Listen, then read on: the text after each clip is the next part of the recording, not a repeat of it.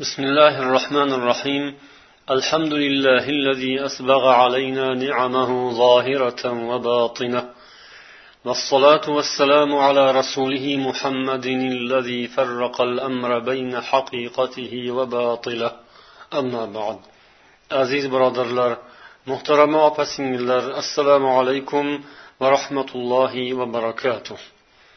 Bugungi suhbatimizning mavzusi bank bilan muomala qilish tartiblari va ribo masalalari haqida bo'ladi inshaalloh bizga xat yuborgan birodarlarimizdan birlari bahriddin ismli yigit aynan mana shu masalada bir necha savollarni so'raganlar.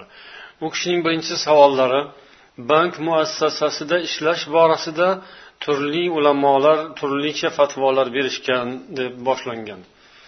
Lekin men ahli sunna val jamoa e'tiqodida berilgan fatvoni bilmoqchiman va bu fatvoga g'arb mamlakatida yoki musulmon mamlakatida yashash yashamaslik ta'sir qiladimi deb so'raganlar u kishi. Biz ushbu savolga javob berish asnosida al azhar jomiasi fatvolar to'plamidan foydalandik. Ana shu to'plamda aynan mana shu savol ham keltirilgan va uning javobi u yerda bayon qilingan. Muftiy atiya saqr tomonidan chiqarilgan fatvo bir ming to'qqiz yuz to'qson yettinchi yilda mana shu mavzuga bag'ishlanadi. Bu fatvoning sarlavhasi al amal fi muassasatin tataamalu bir riba deb nomlangan. Ya'ni ribo bilan ishlaydigan ribo bilan muomala qiladigan muassasalarda xizmat qilish haqidagi fatvo. Bir kishi so'ragan men bankda yozuvchi kotib bo'lib ishlayman. Va bankning hamma ishlari foizlar va rivolardan iborat. Mana shu ishim menga halolmi yoki harommi deb so'ragan. Javobida quyidagi so'zlar aytiladi. Ma'lumki ribo islom dinida juda ham qattiq qoralangan va harom qilingan narsadir. Buning haromligi qur'on sunnat va ijmo bilan sobit bo'lgan deb boshlanadi fatvo.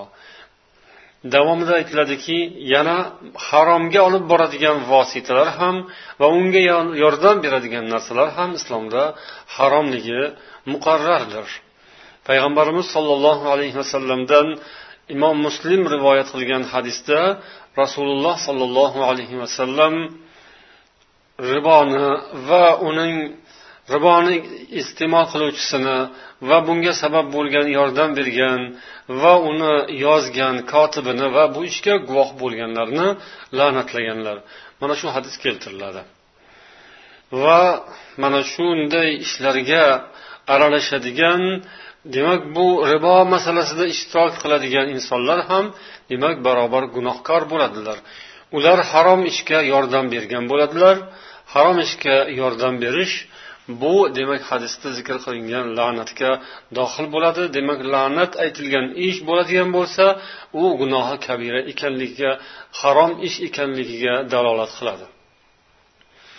Oddiy banklarda ishlarning ba'zi bir qismi islom qoidalariga muvofiq kelsa ba'zilari muxolif bo'ladi deb davom etiladi yana fatvoda. Demak banklardagi ishlar mana shunday ba'zi bir qismi islomga muvofiq ba'zisi xilof ekan demak u yerdagi mol ham ana shunday bo'ladi. Ya'ni mollarning ba'zi bir qismi ya'ni pulning ba'zi bir qismi halol ba'zi bir qismi esa haromdan iborat bo'ladi. Demak aralash bo'lib ketgan bo'ladi va u yerda ishlashning hukmi ham mana shundan kelib chiqadi. Demak mol pul u yerda harom harish va halol aralash ekan.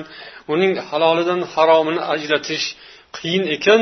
U yerda ishlashning hukmi ham shubhaga aylanadi. Shubha agar to'g'ridan to'g'ri harom deyilmasa ham haromga yaqin narsa bo'ladi. U haromning qo'shnisi bo'ladi. Bunga payg'ambar sollallohu alayhi vasallamning hadislari dalil. Buxoriy va muslimda rivoyat qilingan hadisda rasululloh sollallohu alayhi vasallam aytadilar الحلال بين والحرام بين وبينهما أمور مشتبهات لا يعلمهن كثير من الناس halol ochiq oydin bayon qilib berilgan harom ham bayon qilib berilgan ularning ikkisi o'rtasida esa shubhali ishlar borki ko'p odamlar uni bilmaydilar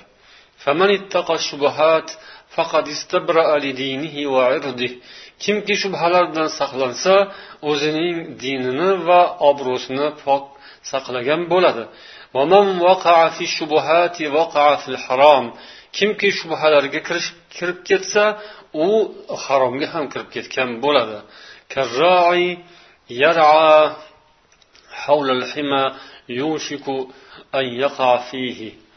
Xuddi buning misoli xuddi qo'rg'on atrofida qo'ylarni o'tlatayotgan qo'ychivonga o'xshaydiki uning qo'ylari demak qo'rg'onga kirib ketishga ehtimoli juda ham yaqin bo'ladi. Ana shundan kelib chiqqan holda agar mo'min odam qalbim tinch bo'lsin xotirjam bo'layin desa u shubhasi bo'lmagan ishni qidirsin.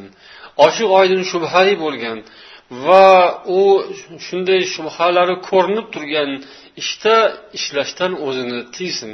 Agarchandiki boshqa halol pokiza shubhasiz ishlardan keladigan daromad oz bo'lsa ham uning zaruriy ehtiyojlariga yetadigan bo'lsa shunga kifoyalanmoq yaxshi. Inson zaruriyatlar bilan kifoyalanib kamoliyatlarga o'tishdan sabr qilib turgani yaxshi. Nafs esa to'ymaydi u doimo insonni mana shunday qiyin va shubhali narsalarga kirishga undab turadi.